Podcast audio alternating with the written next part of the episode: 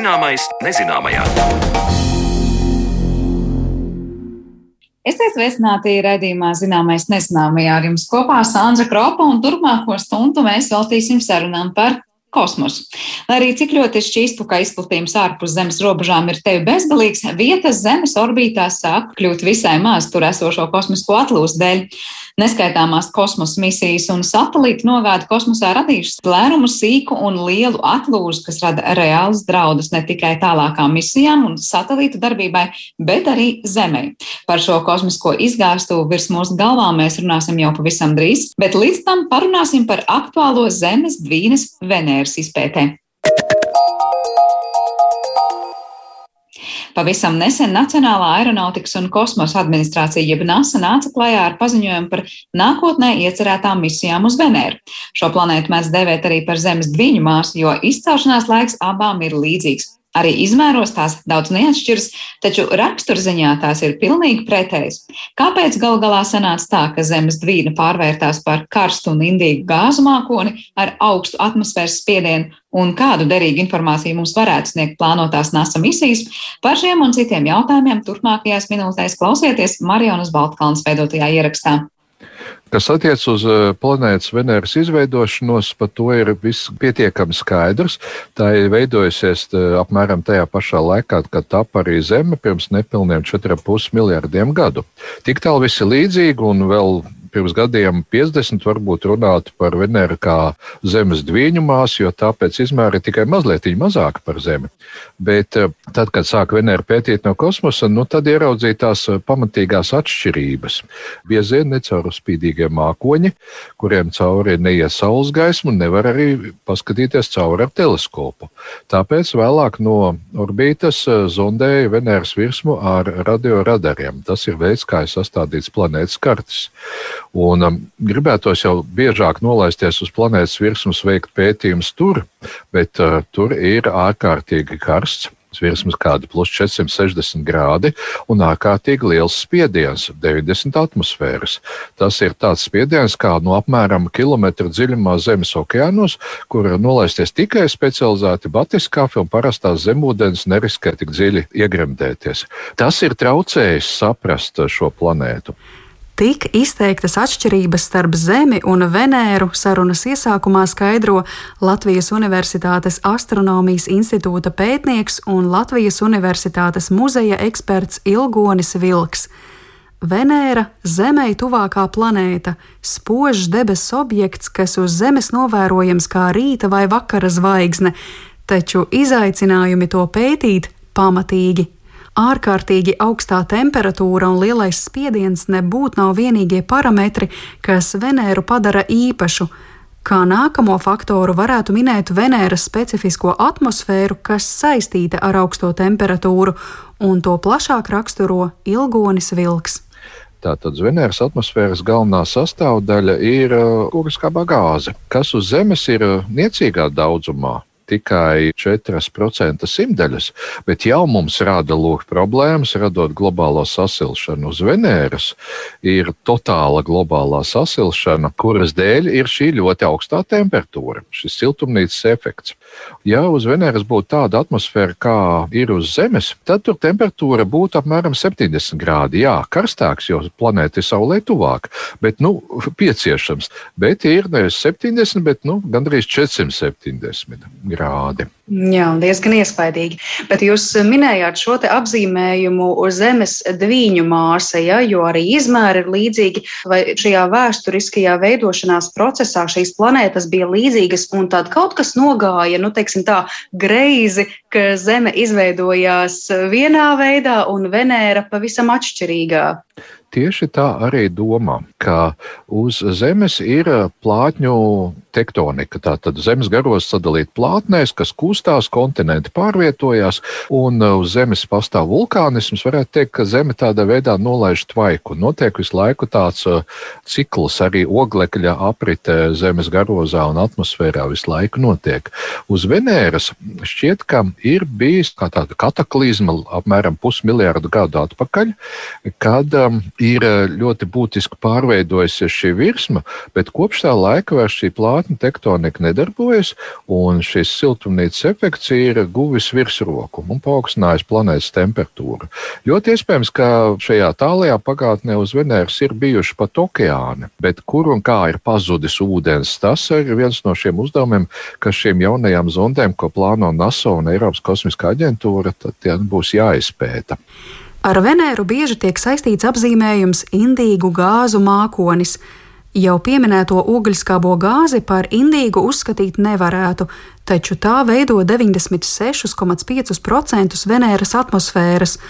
Atlikušos procentus sastāda slāpeklis un piemaisījumi, sēra dioksīds un ūdens tvaiki. Taču, ja ir sēra savienojumi un ūdens, tad var veidoties kaut kas vēl.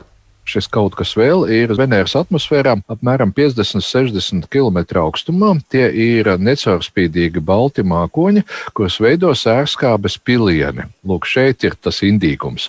Tad sērskābe ir gana aktīva skābe, un atmosfērā, kur ir ļoti piesātināts sērskābes pilieniem, būtu ļoti nepatīkami uzturēties nu, cilvēkiem. Bet kosmiskie aparāti to principā var, var arī šķēršot šo so zonu, un šis augstums 50 50-60 km, arī ir pateicīgs ar to, ka šajā augstumā beidzot vairs nav tik karsts kā uz virsmas. Tur temperatūra var būt tā kā istabas temperatūra - 20 grādi pēc Celsija, un arī spiediens ir pieņemamās robežās, nu, salīdzināms ar atmosfēras spiedienu uz Zemes. Kas attiecas priekš cilvēka, priekš kādiem baloniem, ir pat nākotnē cilvēki iztēlojušies, ka varētu būt tādas Venēras atmosfērā dreifējošas bāzes tieši šajā zonā par spīti sērskā piegābēm. Jūs arī ieminējāties, ka iespējams varētu būt okeāni, šie vulkāni, okeāni, krāteri, ezeri. Tas ir šobrīd vēl tikai tāds minējums, vai mēs varētu pietiekami droši teikt, ka jā, tas uz Venēras šobrīd varētu būt.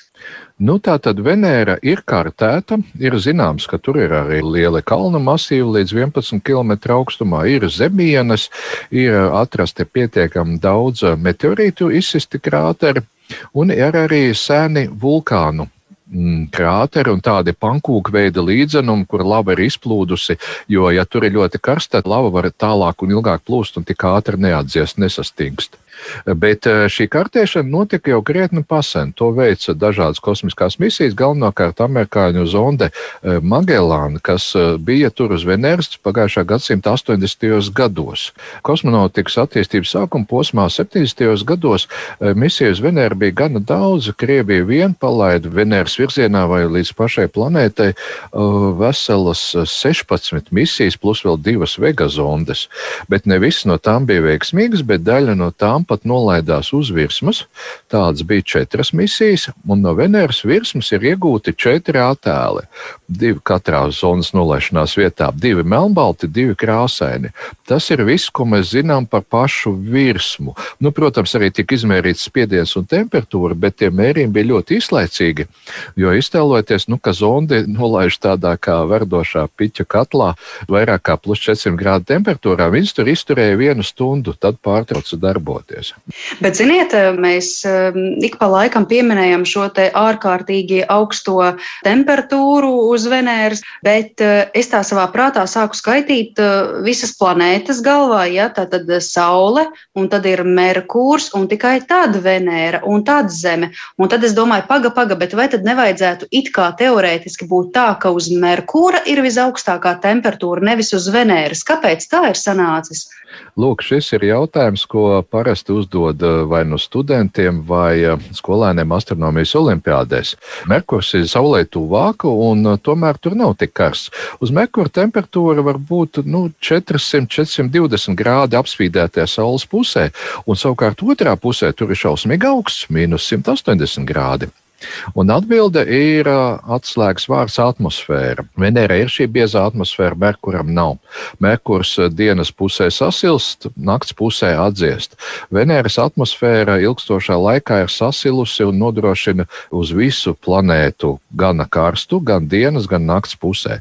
Maziem bērniem es parasti saku tā, iztēlojieties, ka Venēra ir ietīta biezā segā tāpēc viņa ir ļoti silta. Šī atmosfēra, biezā blīvā ogliskābās gāzes atmosfēra, ir kā sega, kas planētu uzsilda līdz plus 460 grādiem. Un Merkūram tādas segas nav. un Merkūram sedziņas nav. Viņam viens sāns saulītē sasils, otrs pliks ir atdzisis. Starp citu, Venēra griežas ļoti lēni. Viņi veic vienu apgriezienu 243 diennaktīs, un pie kam uz otru pusi griežas. Diennakts garums ir 117 dienas, salīdzinot ar mūsu zemes dienu, kas ir nu, 24 stundas. Tā tad ļoti lēna arī šī gaismas un tumsas maiņa. Un līdz ar to it kā vajadzētu vienai pusē uzsilt ātrāk, un otrai pusē nē, bet Venēras atmosfēra ļoti strauji rotē. Tas atkal ir interesanti. Planēta lēni rotē, bet atmosfēra ātri četrās dienās tā apgriežas vienreiz uz riņķi, tādā veidā pārnesot un sadalot siltumu. Un šīs ātrās rotācijas zinējspēks ir gan Saules siltums, kas rada dažādas cirkulācijas atmosfērā, gan arī pašas planētas rotācijas kustība šādā veidā caur bliezo blīvu atmosfēru tiek pārnesta uz augšējiem atmosfēras slāņiem. Tā kā ļoti neparasta lieta. Šāds efekts, kad atmosfēra kustas ātrāk, ir zināms arī citām Saules sistēmas planētām taču nevarētu teikt, ka būtu pilnīgi skaidrs mehānisms, kāpēc Venēras atmosfēra griežas ātrāk par planētu. Tāpat arī jautājums par Venēras rotāciju. Saules sistēmā gan pati Saule, gan praktiski visas planētas un pavadoņi riņķo pretēji pulkstenim ap savu asi. Izņēmums ir Urāns un Venēra. Pastāv uzskats, ka rotācijas maiņu ir izraisījusi planētas un tās atmosfēras miedarbība, jeb tā saucamie paisumi. Ne tie paši paisumi, kādus pazīstam jūrās un okeānos, bet tādi var būt arī atmosfērā, Pētnieks skaidro, iespējams, ka tie laika gaitā nobremzējuši Venēras griešanos un iegriezuši to pretējā virzienā.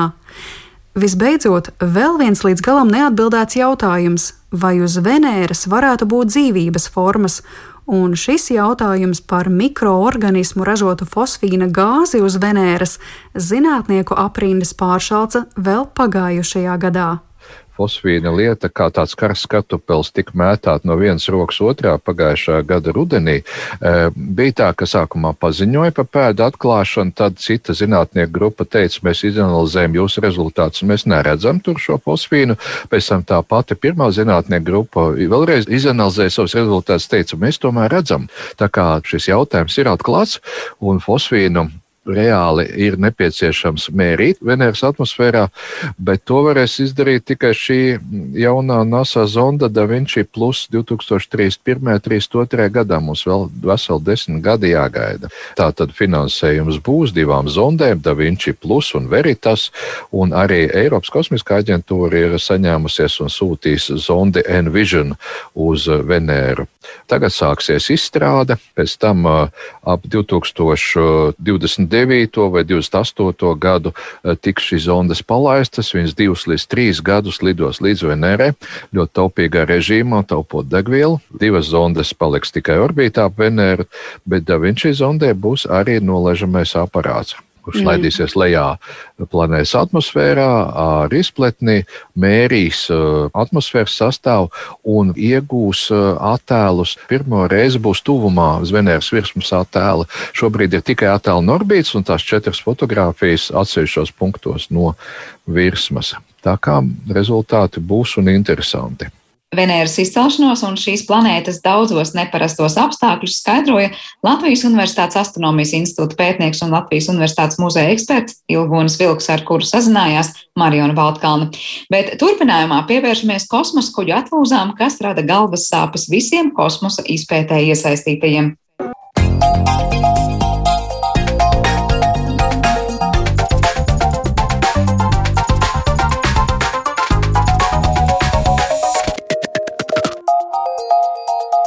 Zināmais nezināmajā. Kopš cilvēces pirmajiem soļiem kosmosā ir radusies arī kosmisko atlūzu izgāstuve, kas rotē orbītā ap Zemi un rada draudus tālākai izpētē izplatījumā. Kas ir šī atlūzas un kādi ir plāni, lai tās savāktu? Par to šodien cīkāk mēs runāsim mūsu attālinātajā studijā, kad ciemos esam aicinājuši Annu Ginteru no Stārspace observatorijas, kā arī IT speciālists un kosmosa entuziasts Raitu Misu un Intu Kešānu. Sveiciens jums visiem trim! Sveiki! Okay. Sveiki. Vispirms, laikam, jāsāk ar to, ka šis ir aktuāls jautājums ne tikai tāpēc, ka nu, netiek jau ilgstoši laikam pienācīgi risināts, bet arī tāpēc, ka šīs atlūzas nu, reāli jau sāk traucēt. Tikko ir bijusi sadursme arī ar Startautisko kosmosa stāciju, nesen bija arī draudz Zemē, ka atlūzas varētu nokļūt atmosfērā. Kā jūs, prāt, jūs raksturot, kā šī problēma pēdējos gados attīstās? Tā kļūst aktuālāka, tā ir kaut kur varbūt nepamatoti piemirsta. Ja mēs runājam par šīm kosmiskajām atlūzām un kosmiskiem atkritumiem, kas ir virs mūsu galvām, ir ne mazums vien. Mm, Anna, varbūt sākšu ar tevi. Uh, es domāju, ka tā nav nepamatoti piemirsta. Par to domā jau krietni sen. Bet drīzāk uh, kosmosa industrijā ir arvien vairāk un vairāk spēlētāju. Un, teiksim tā, dažās orbītas zonās tā netiek pienācīgi tā izvērtēta un risināta. Ja, piemēram, geostacionārajā orbītā to spēlētāju ir salīdzinoši maz, un šie spēlētāji apzinās, ka tā, tā vietai ir jābūt tīrai, lai varētu nodrošināt šos specifiskos pakalpojumus, ko nodrošina satelīti šajā zonā, tad Zemē tuvajā orbītā šobrīd jau nu ir ļoti, ļoti daudz valstu un institūciju un organizāciju un kompāniju, kas var tur kaut ko ievadīt.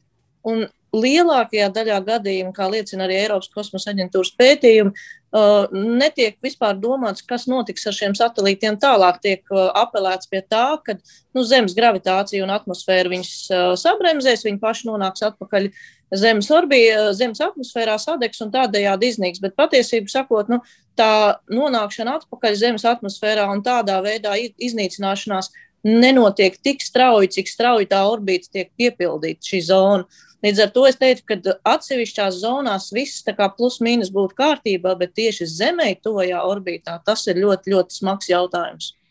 Jā, man mazliet tevī klausoties, likās līdzības, kā mēs runājam par dažādiem ar vidas jautājumiem saistītiem aspektiem šeit pat uz Zemes, kad sakām, jā, daudz ko tur ekosistēma tiek galā, bet netiek tāpēc, ka vienkārši pildās ļoti ātri ar dažādu piesārņojumu. Tā kā var teikt, kā debesīs, tā arī virs zemes. Ja? Mums tās lietas ir ļoti līdzīgas un problēmas ļoti, ļoti identiskas.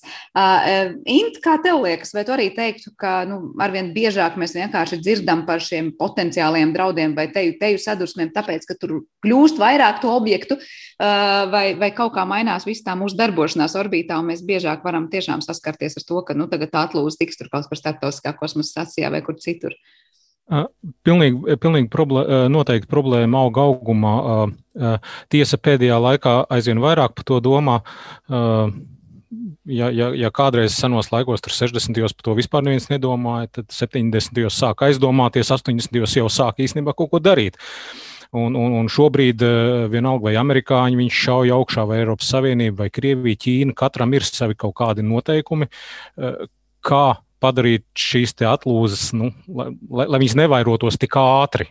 Ja, jo viņš joprojām vairojās, bet, bet tā tendence tajā līknē pēdējos piecos, desmit gados, nu, viņ, viņ, tas, tas, tas, tas ātrums vairs nav tik liels. Uh, tiesa, visas šīs iniciatīvas ir katras nu, valsts uh, pašu rokās, un mums tāda īsta starptautiska regulējuma nav. Uh, pēc, pēc eh, incidenta ar, ar, ar Ķīnas satelītu, ko viņi sašāva 2006. gadā, tad tur apvienotās nācijas sākt. Uh, nu, strādāt pie noteikumiem, bet joprojām tie ir tikai tādas rekomendācijas, ko nu, gribu, gribu, gribu ņemt vērā, gribu neņemt vērā. Katrā ziņā, ja kāds tur kaut ko neievēro, tad nevienu pie atbildības īsti saukt nevar. Un tas ir katra šī vai nu, vai nu op, pavadoņa operatora, vai pavadoņa būvētāja, vai šīs te, starta pakalpojumu sniedzēji, kas viņu tur nogādāja atbildību katram pašam uz sevi un sirdsapziņas vai viņš tur lietos kādas nebūtu tehnoloģijas, lai, lai mazāk būtu šo atkritumu, vai lai varētu šos satelītus nosviest atmosfērā, tad, kad viņi ir beiguši darboties. Tas pats attiecas uz nesēju augšējām pakāpēm, vai tas nenotiks. Tā kā, nu, arī at, atslēgas vārds droši vien ir nauda, vai ne? Tas dā, maksā daudz. Pilnīgi, pilnīgi noteikti, pilnīgi noteikti tas kosmosa bizness ir dārgs, un, un, un, un lai cik būtu vienkārši tas mehānisms, ko vienā vai otrā gadījumā var pielietot, mēs uzreiz runājam par simtiem tūkstošu, par miljoniem, kas nāk klāt pie misijas izmaksām. Ja, un, Un, uh, tas ir naudas jautājums. Jā. jā, tas atkal liekas ļoti līdzīga un pazīstama situācija. Tikko tas maksā dārgi, paļauties tikai uz labas gribas žestu vai sajūtu, ka tā būtu labi darīt, laikam mēs nevaram. Vismaz daudz spēlētāji tur nebūs tādi ar iniciatīvu, kas ies, kā saka, ar karogu priekšu. Raiti, droši vien, ka tev daudz ko nu, pie dzirdētā teikt, es piebilstu, bet varbūt ir vēl kaut kas tāds, ko tu gribētu teikt saistībā ar to, cik aktuāli šī problēma kļūst eh, šajās, nu, es pat neteiktu vairs desmit gadē, bet gados. Nu, tas, ko var piebilst, ir, ka šī problēma jau par sevi neļaus aizmirst tādā ziņā, ka notiek arī šie negaidītie, kā 2009. gada divu satelītu saskriešanās, kur ir rītdien 33 saskrējās ar vecu Krievu pavadoņu. Šie notikumi rada pastiprinātu noslodzi, teiksim tā, atkritumu ziņā šajās uh, vērtīgajās orbītās, kur ir tāpat jau daudz visādu objektu, un tas tikai veicina to nu, izpratni un arī to, ka nu, ir kaut kas jādara. Jo šādiem gadījumiem, notiekot biežāk, var rasties situācija, kad kaut kāda zemes orbītas apgabala nav, nav nu, normāli izmantojama. Tā jau, jau būtu reāla problēma.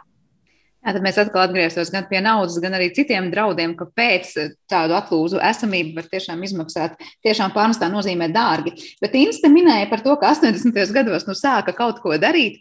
Eh, vai var teikt, ka vispār par kosmiskajām atlūzām eh, tā reāli sākts kaut ko darīt ir par vēlu? Vai nav nekas vēl nokavēts? Jo dažkārt saka, nu tad, kad kaut kas ļoti strauji tur pieaug, es nezinu, kāds piesārņojums vai šī gadījumā arī atlūzas skaits vienā brīdī liekas, nu, pat ja mēs šobrīd apturētu jebkādu jaunu atlūzu veidošanos, kamēr savāktu vecās, vēl paiet ļoti ilgs laiks un problēma būtu nemazums. Int, varbūt tu iesāki to domu, tu vari arī var pirmais paturpināt. Jā, nu, Pirmkārt, labāk vēlāk nekā nekad. Mēs joprojām varam kaut ko darīt ar lielajām šīm atlūzām, kuras varētu mēģināt vākt no turienes prom.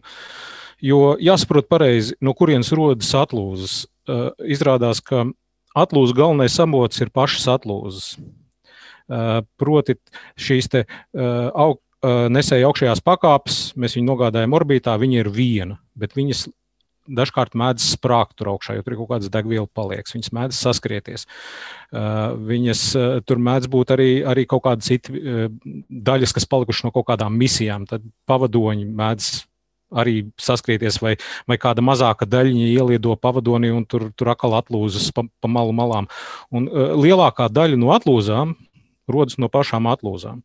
Un, ja, ja šīs lielākās lielās daļas mēs zinām, ka tur kaut kāds nesējs lido. Uh, vai vēl kaut kas mēs varētu mēģināt novākt, tad uh, jo mazākas daļiņas, jo viņas ir vairāk. Ja šīs lielās atlūzas, rīktīgi lielās, var, viņas varbūt ir daži tūkstoši. Tādas, kas ir uh, nu, vidēji lielākas par teiksim, 10 centimetriem, ko mēs vēl varam sekot, kam mēs sekojam no zemes līdzi.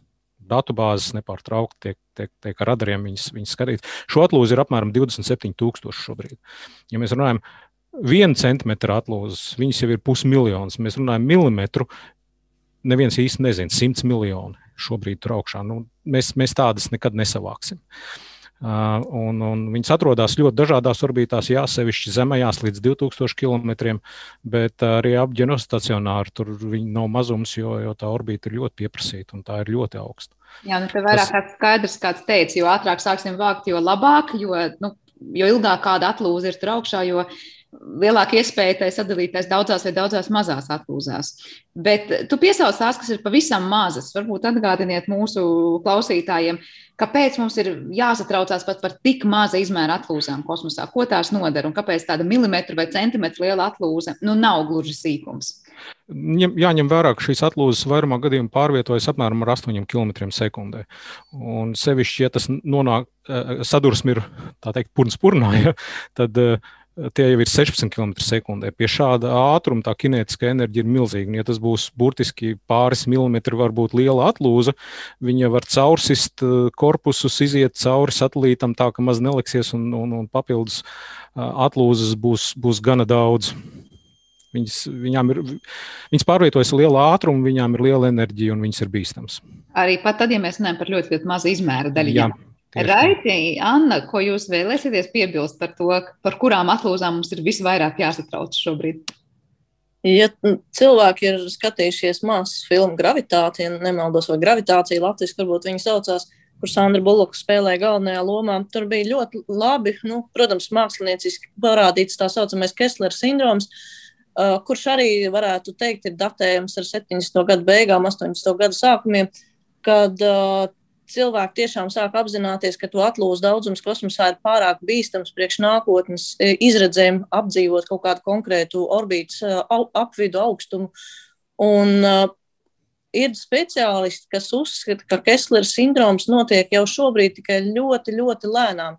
Jo principā tas ir līdzīgi tā, tā eksponenciālā līkme, kā mēs labi iepazinām Covid gadījumā, kad uh, sākotnējais tas attīstības posms ir ļoti lēzens un šķietam mums liekas, ka viss ir kārtībā, un tad vienā mirklī ir tāds sprādzienu veida attīstība, jo tu tā viena atlūze, kas izģenerēja ar vien vairāk atlūzes, viņa rada nākamās atlūzes, tas vilnis vairojās, vairojās un tā kā sprādzienveidīgi palielinās.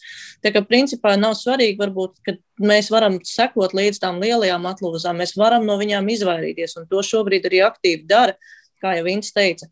Bet liela problēma ir tieši tās maziņās, jo tā mazā var izsist no ierīnas gan strādājošu satelītu, gan tiešām arī radīt uh, tādu lavīnu veidu secību, kad šīs atlūzes tiek radīts arvien vairāk un vairāk, un nav jau tā, ka tās atlūzes, kuras rodas šajos, šajās sadursmēs, paliek kādā konkrētā orbītā.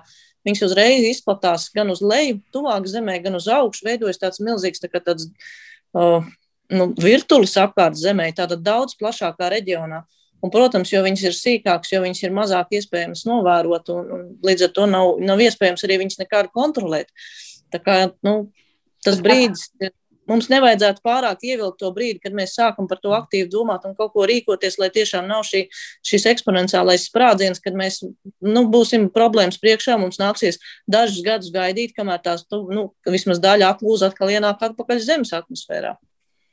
Jā, varbūt raidījumā tad jautāšu tālāk, kādas ir tās idejas, ko darīt ar tām, kas jau tur šobrīd ir. Es saprotu, ik pa laikam izskan idejas gan par dažādiem atsevišķiem satelītiem, kas tās vāktu, vai, vai lāzeriem, kas palīdzētu, kā nu novērst šo situāciju. Varbūt tu vari pastāstīt nedaudz sīkāk. Jā, nu, vieglāk īstenojama ideja ir veidot visas šīs lietas, gan satelītus, gan pirmās pakāpes, kas bieži paliek orbītā tā, lai viņas pēc tam, kad beidz savu aktīvo darbību varētu atgriezt, kontrolētā veidā atgriezt atmosfērā. Tas ir pirmais, ko, ko jau dara, kas notiek, un, un tas ir tas vieglākais veids, kā šo problēmu risināt. Uh, bet, protams, ir uh, virknē vecu uh, objektu, tā skaitā ap 3000 satelītu, kas vēl joprojām ir orbītā, bet vairs nedarbojas. Un tad ir dažādas iespējas, kā viņus varētu dabūt atpakaļ. Protams, vienīgā iespēja viņus ir dabūt biezākos atmosfēras slāņos, kur tad viņi sabramzētos un vēlams to darīt, protams, tā, lai tas būtu kaut cik kontrolēts, sadegt un iekrist kaut kur, ja nu kaut kas paliek pāri okeānā. Un pirmā aktivitāte, kas šajā ziņā ir uh, uzsākta, ir Eiropas kosmosa aģentūras ClearSpace projekts, kur ir uh, viena startup firma nolīgta, kas veiks šādu izmēģinājumu, kad tiks aizvākta lielāka atlūze no orbītas. Tieši tāda arī ir tā doma, kad viņai pielidot klāt, viņu sagrābt un ievilkt atmosfērā tādā veidā, lai viņi kontrolēti sadegtu un tiktu aizvākta no orbītas. Uh, jā, nu, kas vēl ir vēl visādas trakas idejas, ka varētu šos atlūzes apūst ar putām, tādējādi palielinot viņu virsmu un līdz ar to arī atmosfēras pretestību un tādējādi samazināt viņu laiku, ko kas nepieciešams šo atlūzu nonākšanai Zemes atmosfērā. Nu, tur jau šo ideju var, viņas var ģenerēt, var pielikt saules būru, visu kaut ko. Tās jau tādas trakākas domas, kas nav, nav nereāls, bet par kuru praktisku īstenošanu ir tikai domāts, bet nekādas darbības tādas ļoti aktīvas, cik es zinu, nav uzsāktas. Uh, varbūt Intam un Annē, kas zināms par vēl citām aktīvām darbībām, kas uzsāktas nu, diemžēl aktīvas eh, darbības, kā novākt jau esošās atlūzes, īsti, īsti nav, jo tas arī ir saistīts ar lielām izmaksām. Šobrīd galvenais, kas tiek darīts, un, un, un vairāk vai mazāk visās valstīs, kas ir spējīgas šaut augšā lietas, ir rūpēties par to, lai nu, turpmāk mēs varētu to cik necik kontrolēti gāzt lejā un, un, un, un samazināt to atlūzu vairošanos ātrumu. Te es, es varētu pielikt eh, vēl dažus faktus par to, eh, cik, cik ilgi tās atlūzes tur uzkavēsies augšā. Un tas ir caur caurēm atkarīgs no pirmkārt orbītas augstuma virs Zemes, eh, nedaudz arī, protams, no tā, cik liels tās atlūzes un kāds tur materiāls. Bet, ja mēs runājam par ļoti zemām orbītām, kas ir 200 km, tur mazliet vairāk, tad mēs runājam par, par nedēļām, varbūt gadu, ko tas atlūzis tur uzturās. Ja augstumā, kur atrodas starptautiskā kosmiskā stācija, 300 līdz 400 km, mēs jau runājam par kaut kādiem 11 gadiem. Un, un 800 tūkstoši km tie, tie jau būs jau 10 gadi, varbūt 100 gadi. Savukārt geostacionārs nu, tur miljoniem gadu šīs atlūzes tur stāvēs. Tāpēc nu, tas, kas ļoti tuvu Zemē, par to varbūt bažas mazāk, bet mēs runājam par ļoti tuvu. Tās, tās lielās problēmas mums šobrīd ir vislielākās problēmas ir 600-800 km augstumā, kur šo satelītu ir daudz, atlūzi ir daudz, un līdz Zemē viņas tik ātri nemaz nenonāks. Nu, pašas tās nenonāks, kā arī Raits jau teica, un tu tikko minēji, bet uh, joprojām neatmaksājas. Es pareizi saprotu tās visas uh, aktivitātes, lai mēģinātu viņus mākslīgi dabūt tuvāk zemē un tās sadaktu atmosfērā. Un tad, kā arī Raits teica, nu, tiktu līdz okeānam vai netikt līdz okeānam, tas ir cits stāsts. Kas ir tā galvenā problēma, kāpēc mēs nevaram tās dabūt paši mākslīgi vairāk uz leju, lai tās sadegtu? Nu, principā ļoti labi noderētu kāda ārkārtīgi spēcīga saules vētra, bet nu, tāda ļoti ārkārtīgi spēcīga. Bet tad jāņem vērā, ka atmosfēras palielināšanās skars arī derīgos satelītus, un arī tie tad nāks strauji lejā. Jo ir jau bijis līdzīgs precedents vēsturē, kad tieši spēcīga saules vētra uzkarsē augšējos atmosfēras slāņus. Un mēs labi zinām, ka uzkarsējot atmosfēru, tā sāk izplesties. Un tieši tā arī notika. Atmosfēra izplatās, uh, un satelīts, kas atradās salīdzinoši drošā zonā, nonāca blīvākā tātad atmosfēras slānī un sabremzējās un diezgan strauji zaudēja savu augstumu. Un, protams, mēs nevaram uzkarsēt atmosfēru tik, strā, tik augstu, lai mēs panāktu vajadzīgo blīvumu tur augšā. Un, protams, ka tas skars, kā jau es teicu, arī tos vajadzīgos satelītus. Līdz ar to vienīgais tiešām reālais risinājums būtu katru individuālu šo objektu apskatīt, kaut kādā veidā viņam tikt klāt un viņu ievadīt zemākā slānī, bet tas ir ārkārtīgi dārgi.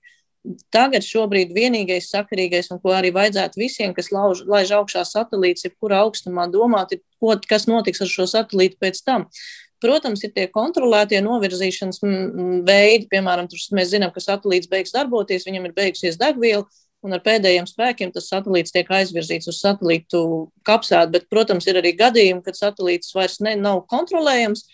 Un Eiropas kosmosa aģentūras paspārnē to projekts par tā saucamo pasīvo saules būru, kad zināmā brīdī, kad ir zināms, ka tas satelīts vairs nefunkcionē, ir iespējams atritināt šo būru, un tās izmērs būtu atkarīgs arī no tā, cik liels ir pats satelīts. Tātad tur var pielāgot šos izmērus, un šī būra uh, sabremzēsies pat tajā niecīgajā atmosfēras daudzumā, kas atrodas satelīta orbītā. Un tādā veidā ir iespējams deorbitēt, ja ievadīt atpakaļ Zemes atmosfērā pat tādus satelītus, kas vairs neklausās. Tad kaut vai viņš tur virpuļo apkārt, līdzīgi kā mūsu venta, kad uh, viņi, viņi vienkārši virpuļoja orbītā. Tā arī šāda būra varētu sabremzēt šādu satelītu. Viņš zaudēja savu ātrumu, līdz ar to viņš arī zaudēja augstumu un atgriežas atpakaļ atmosfērā un sadeg. Bet tas ir tikai nākotnes misijām. Tiem atkritumiem, kas šobrīd orbītā, nu ar tiem ir liela problēma, jo mēs tiešām tad ir katrs individuāli jāapskata, katrs individuāli ir jāapstrādā, un tad, tādā veidā viņi ir iespējams dabūt lejā, bet tas nu ir ārkārtīgi dārgi. Jā, nu, dārgi un lai, darbietilpīgi un laikietilpīgi, zinot, cik jūs nosaucāt, to, to tur ir daudz. Es zinu, ka Raitim jau pamazām drīz būs, laikam, ātrāk jādodas prom no mūsu sarunas, tāpēc es izmantošu iespēju un vēl Raitim uzdošu šobrīd jautājumu. Nu, labi, tu arī minēji par Salzburu, ko tikko arī gan Anna, gan Inns teica. Eh, es pareizi saprotu, ka kaut kādas tādas idejas vispār tiek apsvērtas pat uz tiem vissīkākajiem satelītiem, vai tomēr ir kaut kādas idejas, ka tos nu, vismazākos varētu nu, kaut kā zvejot, es nezinu, līdzīgi, un tad visus kopā dabūt uz to jā. zemi tuvāko. Nē, nu, jā, idejas ir dažni dažādas, tā skaitā arī tādas, ka varētu izveidot vienu lielu satelītu, kas Es tagad runāju par esošo, kas ir uh, at, kļuvuši par atkritumiem, nogādāšanu atpakaļ. Varētu izveidot uh, lielu, uh, lielāku misiju, kuras ietvaros, nu, protams, sarēķinot pareizi orbītas, varētu šis nu, kaut kāds kosmiskais aparāts aplidot kaut kādu noteiktu skaitu mm, šo pasīvo atkritumu un viņiem piestiprināt vai nu minēto saules burbuļu sistēmu vai kaut kādu jonu dzinēju. Nu, vienkārši viņus aplidot, viņiem izdalīt šos uh, rīkus, ja, un tālāk jau uh, izmantojot to dāvaniņu, tad visi šie atkritumi varētu tapt uh, novadīti Zemes atmosfērā. tā ir viena no iespējām. Un, un otra iespēja, protams, ir jā, ka nu, mēs varam mēģināt viņus aplidot un noķert pa vienam vienkārši metot iekšā atmosfērā un visādi izrīkoties. Bet jāsaprot, protams, ka tās ir noteikti simtu miljonu misijas, kur, kur ir jā, jābūt gribai, vēlmei un jāatrod finansējums, lai to vispār īstenotu jā, tāds salikums, par kuru tiešām ir jāpaturprātā un, un jā, jāliek aiz auss, ka tas nebūtu viegli īstenojams. Es Raita šajā brīdī teikšu tev lielu paldies par to, ka piedalījies mūsu sarunā un e, laidīšu tev tālāk, kā saka, citos darbos. Atgādināšu, ka Raits Misa, tātad IT speciālists un kosmosa astronomijas entuziasts ar mums bija kopā šajā raidījuma daļā, bet raidījums vēl nav izskanējis. Es tāpēc arī gan Annai, gan Intam gribu vēl uh, uzdot jautājumu. Nu, jūs sarunu sākumā teicāt, ka ir arī ļoti dārgi šobrīd, kā saka, dabūt atpakaļ jau tās daļas, kas citādi kļūtu par atlūzām, un, un tas, pie kā ir jādomā, ka pēc iespējas vairāk radīt tās misijas, kas jau pašas, lai arī ir dārgākas, tomēr aiz sevis var teikt savāds vai, vai proti, nekļūst par atkritumiem. Kas, jūsuprāt, būtu nu, tas risinājums, kas ļautu padarīt šādas iespējas lētākas, jo kamēr tas būs dārgi un neizdevīgi, vai tiešām kaut kāds obligāts regulējums padarītu iespējami to, ka vispār aiz sevis dažādas kosmiskās misijas domā, ko darīt, lai nebūtu atkritumu. Vai ir iespējas uzlabot tehnoloģijas, materiālus, es nezinu, ko, lai būtu lētāk vispār aiz sevis tās, tā saka, kosmosa atlūzas savākt vai neradīt. Int, varbūt ar tevi sākšu. Protams, vienmēr mēs varam izdomā, izgudrot kaut ko jaunu, un, un, un katrs var, var, var, var, var mēģināt kādu lētāku metodi meklēt. Bet es domāju, ka uh, pirmais, kas palīdzētu, vajadzētu kaut kādā veidā tiem politiķiem tur apvienotajās nācijās vai vēl kaut kur nonākt pie kaut kāda kopsaucēja un, un ieviest kaut kādu striktāku regulējumu un kaut kādas atbildības uh, par to, kas, kādi tev ir pienākumi, ja tu šauj augšā. Šobrīd ir pienākumi, piemēram, atskaitīties par katru startu, pieteikt viņus iepriekš. Tu vairs nevari tā vienkārši, ot, gribu šeit no, no Rīgas, eh, pie Rīgas uzšaut kaut ko augšā. Nē, tā nebūs. Bet eh, tad, kad tu esi augšā, tur, tur īsti nekāda regulējuma vairs nav. Un es domāju, ka tas būtu tas, kas, ko jau vajadzēja kādu laiku apakaļ izdarīt.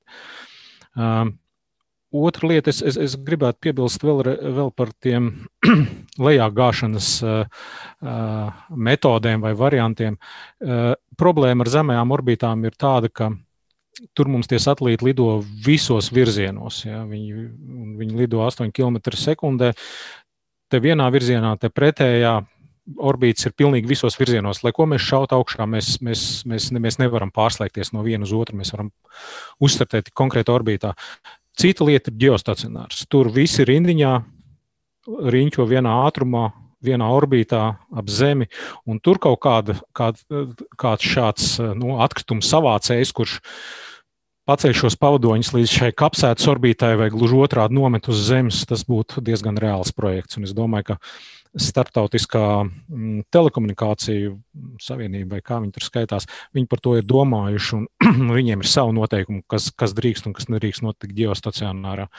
Mm, es domāju, ka to orbītu ir vieglāk sakārtot, un, un, un, un, un tas arī tiks pirmām kārtām darīts, jo visas komunikācijas, satelīta televīzijas, viss atrodas tur un uh, lielā mērā. Un, Un tas ir jā, arī būtiski.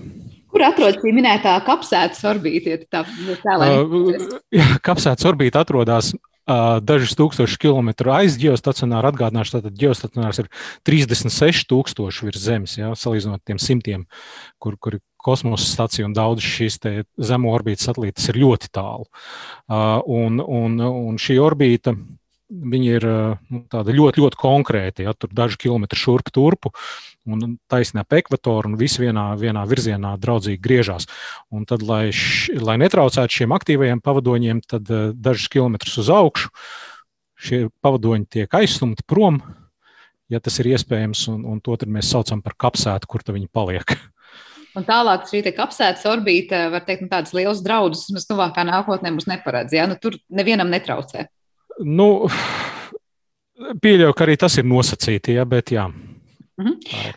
Anna gribēja ko piebilst par to, kā padarīt, lai būtu gan ekonomiski izdevīgāk, gan varbūt arī ar kādām citām motivācijām izdevīgāk tiem, kas uh, daudz ko palaiž augšā orbītās, uh, to laiku savākt un vispār nenonākt līdz tam, ko um, atlūzas rastos.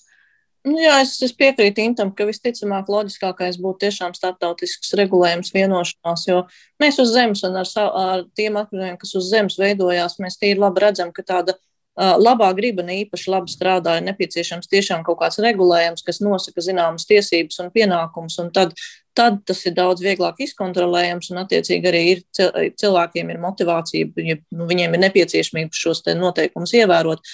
Runājot joprojām par to, ko Raivs ierunājās par to, ka varētu aizbraukt, savākt šīs te atlūzas un viņas nomest lejā, es domāju, ka tur nav ne tikai tā problēma, ko Inns teica, ka viņi kustās dažādās orbītās, dažādos ātrumos, bet arī tā kā mums augšā ir dažādu valstu satelīti, un starp šiem satelītiem arī militārie satelīti, tad šīs misijas, kurās notiek kaut kāda pietuvošanās, kaut kāda veida manipulācijas ar citiem objektiem, tās ļoti nepatīk tiem, kuriem ir šie militārie satelīti. Jo tas nozīmē, ka šī informācija, šī, šī, šīs tehnoloģijas, kas ir šajos satelītos, kādā brīdī var kļūt nu, apdraudētas. Un tāpēc pret šādiem mēģinājumiem tur augšā kosmosā ir valstis, kuras izturās ļoti noraidoši. Viņi nevēlas, lai tādas tiktu īstenots. Tā, kā, nu, tas, tā, ir, tā ir viena liela, arī nu, problēma, ko darīt ar, ar tieši šīm zemējām orbītām un, un šiem gružiem, kas tur cirkulē apkārt. Bet es domāju, ka nākotnes, nākotnē šos jautājumus turpmākajām misijām noteikti ir vajadzīgs starptautisks regulējums, vienošanās, kas uzliek pienākumus šiem cilvēkiem, kas laiž augšā. Jo nu, mēs redzam, tīri labi, ka uh, arvien vairāk ienāk privātās kompānijas, un, un arī viņiem vajadzētu sekot šīm vadlīnijām, šiem noteikumiem, kad uh, tie satelīti jādabū atpakaļ tad, kad viņi beidz funkcionēt, vai viņi nav kontrolējami. Ir jānodrošinās gan vienam, gan otram gadījumam, ka tas ir jārele, jādabū prom no šīs orbītas. Bet jautājums, kurš to varēs pēc tam kontrolēt, vai to kāds godprātīgi pilda? Var teikt, par katru atlūzu un katru satelītu jau droši vien kā arī monitoringu tā neveiks, vai tomēr tas tiks skaidri ieraug, būs skaidri ieraugāms un, un nevarēs tur tā vienkārši nošmaukties, kā saka, ka teicām, ka savāksim, bet īsti nesavācām. Nu, satelīti jau ir izkontrolējami, tie nav gluži milimetrīgi objekti. Pagaidām vēl tos jau varēs redzēt, vai viņi, ir, viņiem jā, viņi atrodas tur, kur viņiem jāatrodas, vai viņi neatrodas. Un, attiecīgi, ja šī te palaidēja institūcija nebūs nomākusies sevis atkritumus, vienkārši uzliekam ierobežojumu, ka nevar neko vairāk laist augšā šai kompānijai konkrēti. Nu, tad, attiecīgi, tas, tas princips, ka, nu, kā parasti mums ir vislabāk laikam strādā soda sistēma, nevis burkāna sistēma. Jā, vēl noslēdzošais jautājums no manas puses jums abiem diviem, nu, varbūt tās ļoti nepopulārs un tomēr Mēs ik pa laikam dzirdam ar tādām ļoti pozitīvām atsauksmēm un sajūtām, runājam par to, cik labi, ka katra valsts tur atkal kaut ko, kādu satelītu vai ko citu palaiž orbītā. Un tas liekas kā tāda apsveicama rīcība. Un, protams, mēs dzīvojam roku rokā ar šīm tehnoloģijām, kas ir augstu virs mūsu galvā, mūsu ikdienā. Bet nav tā, ka mēs varbūt pārāk neapdomīgi piepildām šīs orbītas ar satelītiem, kuri nevienmēr tur ir vajadzīgi. Nevienmēr varbūt katrai valstī savs mazais satelīts ir jādabūt augšā. Proti, mēs ļoti neapzināti piepildām šo orbītu. Kāds ir jūsu redzējums? Jā, kurš pirmais? nu, droši vien jau tajā ideālajā pasaulē visa cilvēce strādātu kā vienota, vienots uh, veidojums, un mēs laistu augšā tikai to, kas ir vajadzīgs visiem, visiem kā cilvēcei kopumā, un nebūtu vienai valstī savi komunikācijas satelīti, otrai otri, un nebūtu SpaceX ar saviem satelītiem un Amazon ar saviem satelītiem. Bet mēs nedzīvojam tādā pasaulē. Līdz ar to pagaidām ir tā, ka katrs laiž savu, Un katram ir savi noslēpumi, savas vēlmes, savas uh, merkantīlās intereses. Līdz ar to nu, nu, tā, mēs, tā mēs dzīvojam. Tāpat kā šeit uz Zemes mēs dzīvojam. Nu, nav starpības šobrīd. Tas, tas kosmos, kas mums ir tuvējais kosmos, viņš šobrīd nu, dienu gluži vairs neatšķiras no tā, kā mēs dzīvojam šeit uz Zemes. Mēs tikpat neapdomīgi izmantojam gan zemes resursus, gan arī kosmiskos resursus. Un, ja mēs esam mazliet tikai tālāk pastiepušies ārpus atmosfēras robežām, tas nozīmē, ka mēs vienkārši iemācījušies apgūt to telpu, esam, bet mūsu domāšanas veids nav mainījies. Jā, ļoti spēcīgi vārdā. Nu, tiešām par to, ka mūsu tuvais kosmos ir tāds spogulis tam, kā saimniekojam uz Zemes. Un, ja nemākam šeit, tad visticamāk nemākam arī tur. Int, ko tu vēl vēlies piebilst pie tik ļoti nu, tādas trāpīgas atkāpes un tomēr Jā, nu, lielā mērā taisnība, protams, ir. Kā mēs šeit piemēslojam, tā mēs tur piemēslojam. Attiecībā uz to satelītu skaitu, es gan domāju, ka e, tā varbūt vēl ļoti ilgi nebūtu problēma. Ja e, dēļ viņiem nerastos šīs atlūzas un atkritumi. Ja, jo mēs viņus tur varētu, mums, mums šobrīd ir kādi, nezinu, divi pusi, trīs tūkstoši aktīvi satelīti, vēl varbūt kādi četri tūkstoši beigtu. Nu, kamēr mums to satelītu tur nebūtu nezinu, miljonus, jā, tikmēr tā problēma būtu risināma. Un, un, un, un, un, kā, es domāju, mēs esam ļoti tālu no tā. Tas būtu tā kā Rīgā drīkst braukt tikai desmit mašīnas. Ja? Nu, apmēram tāds man būtu tas salīdzinājums. Bet tas, ka, tas, ka mēs pieļaujam to, ka mēs, nu, šīs orbītas tiek pie, piemēslotas ar miljoniem atlūzu, jā, tā ir problēma. Tā kā mums satelīti būtu tik daudz un neviens atlūzas, tad mēs, tad mēs būtu turpat. Jā, ja mums eh, nebūtu nevienas atlūzas pēc satelītiem, tad arī mēs dzīvotu tādā ideālā pasaulē, ko arī Anna jau raksturoja. Jā. Bet, diemžēl mēs tādā nedzīvojam. Un skaidrs ir viens, ka problēma ir jārisina, lai mums nebūtu šeit tādi scenāriji, kādus mēs līdz šim esam vērojuši, varbūt filmās. Bet, kā es sapratu arī no jūsu teiktā, nu, tik tālu varbūt no, no realitātes nemaz šie scenāriji nav. Paldies jums abiem liels par šo sarunu un to, ka pastāstījāt mums daudz vairāk par šīm kosmiskām atlūzām, kas arvien vairāk sev piesaka kā problēma problēmu gan kosmosā, gan šeit uz Zemes. Dzirdējām tātad astronomijas entuziastu un IT speciālistu Intu Češānu, kā arī uh, Anu Ginteru, tad Starspējas observatorijas saimniece un arī Starspējas portāla redaktori šajā raidījuma pusstundā. Ar to arī tas ir izskanējis, un par šo raidījumu teikšu paldies producentei Paulē Gulbinskai un mūzikas redaktoram Girtam Bišam. Ar jums kopā biju es Sandra Kropa, un mēs tiekamies atkal rīt. Vislabāk!